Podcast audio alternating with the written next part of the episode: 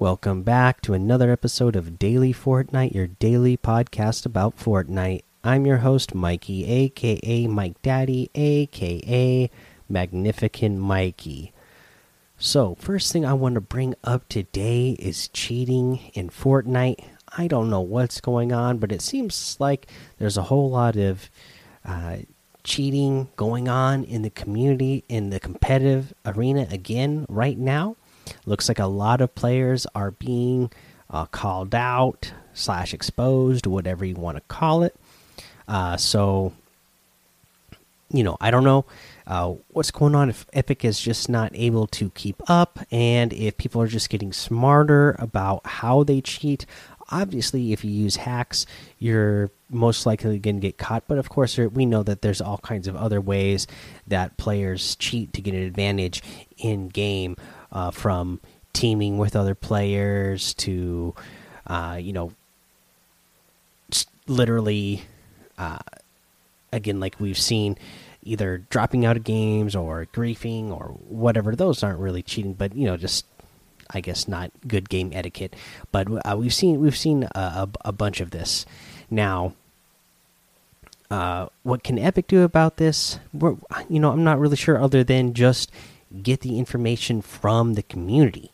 Uh, because uh, you know if you're not using hacks it, it is hard to detect. They they i mean it would be something that other players would need to catch and say and call them out and say hey look this is what we see from this player. They're obviously uh, teaming here. They're obviously not uh, giving their best effort here you know, and then Epic has to review it. So I could see why those things would be kind of slow because we know that Epic is very willing to uh, suspend people for cheating. We have seen it plenty of times in the past when it has been uh, proven, uh, you know, when there's been video evidence of it.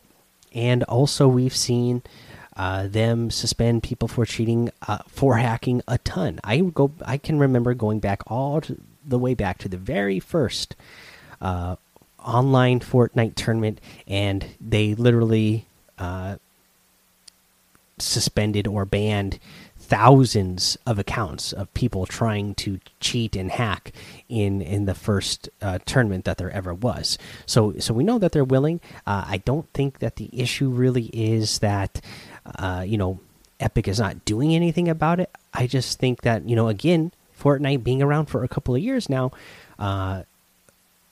The players who are willing to cheat, those types of players, they you know have gone out of their way to figure out what is the best way to cheat or what is the best way to, uh, you know, have the highest chance of getting away with it. And uh, you know, again, uh, the way that's going to be caught is by community catching it and calling it out. And you know, again, not every player is going to be monitored by by everybody, uh, unfortunately. So I think it's going to be it's going to be a tough call. It's going to be it's going to be hard for them to ever hundred percent to weed it out. But uh, you know, I, I'm sure they will continue their efforts. Now, here's something else that I wanted to bring up. Now, I, I like where the idea and the mindset is for this. So I still really like the idea of of the next uh, thing I'm going to propose. So I, I, see there was an article written online. I saw it on FortniteIntel.com, and uh, I saw what they were writing about. I definitely saw this uh, this feeling being uh, portrayed on social media, and this was that uh, a lot of players were feeling like, you know what? In fact, Epic not releasing the the season three when they originally announced actually was uh, they missed an opportunity to take that and uh, still release it when they originally said they would. You know, still charge the money and uh, use that money and use some of the proceeds or all of the proceeds to go to whatever sort of charity that Epic would deem they would want to uh, support. Now, I like the the thought behind it of you know what that would be really nice. I I, I would like to see I uh, Epic uh, do some sort of donation to charity. Uh, I, would love to see that. Uh, I I can't get behind the idea that it needed to be done now and that they missed an opportunity, they still have that opportunity. Uh, obviously, everybody's still really wanting this season three. Uh, I don't think extending it a week is going to make people want season three any less. If I've seen anything, people are wanting it even more because they, uh, you know, some people are starting to feel like season two has, you know, it has already gone on long, but some people are feeling like it's too long. So people are really wanting that season three. Uh, so, you know, perhaps they could still do that. And I don't think it's going to uh, you know, it's Fortnite. I don't think it's really going to make less money than it did just by being pushed out a week. So if that is something that they wanted to do, they could still do that, and that would be, uh, you know, a great cause, a great idea. Uh, but I just want to say, like, yeah, I, I I get it. We're all ready for season three, and the the the idea of donating something uh, to charity is a great idea. But I, got to get behind Epic, and I think the idea of uh, things being more important than their game and their and their new season update was the right call. So I'm still going to uh, stick behind them with that. Let's see here. Other than that, no news to talk about today. Uh, again, uh, you know, we mentioned a challenge tip yesterday for one that I didn't realize. Nothing else to mention today. Just keep grinding those out. Uh, again, Team Rumble is a great way to get a lot of those done. Uh, let's go ahead and take our little break here.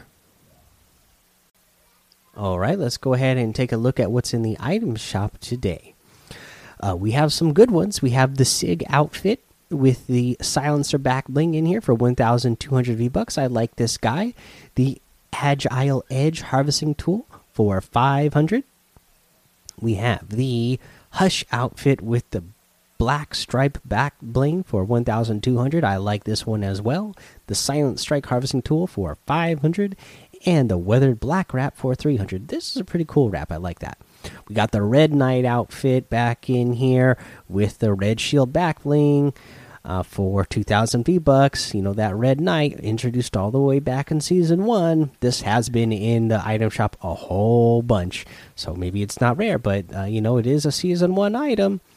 Uh, we got the crimson axe harvesting tool in here for 800 v bucks uh, we got the steel sight outfit with the steel cast backbling for 1500 the peely pick harvesting tool for 800 the um, make it plantain emote for 500 the shaolin sit up emote for 200 the bouncer emote for 500 and the focus outfit with the chuck pack back bling for 1200 this is one i find cool as well.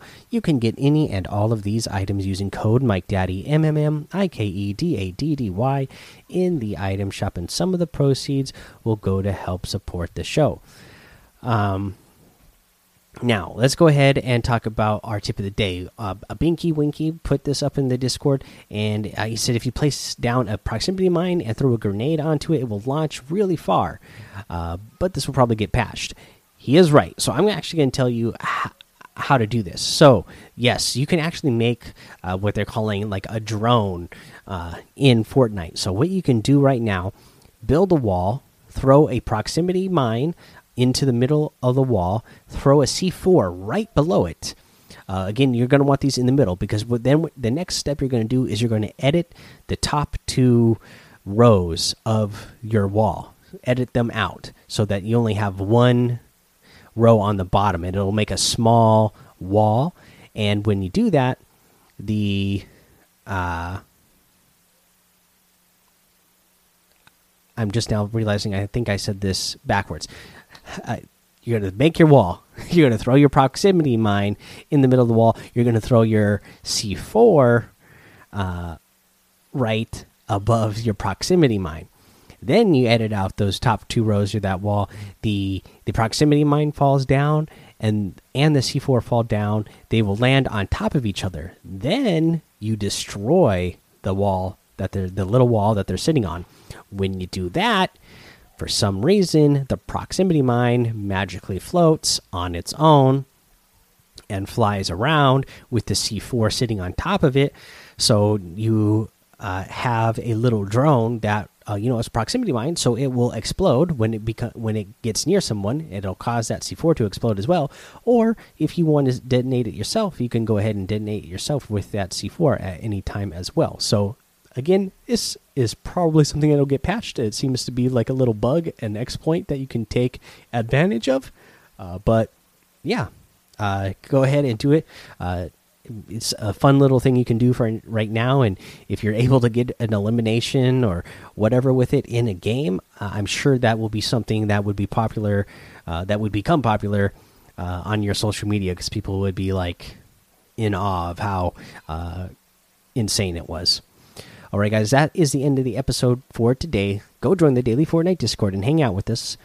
Follow me over on Twitch, Twitter, and YouTube. It's Mike Daddy on all of those. Head over to Apple Podcasts, leave a five star rating and a written review for a shout out on the show. Make sure you subscribe so you don't miss an episode. And until next time, have fun, be safe, and don't get lost in the storm.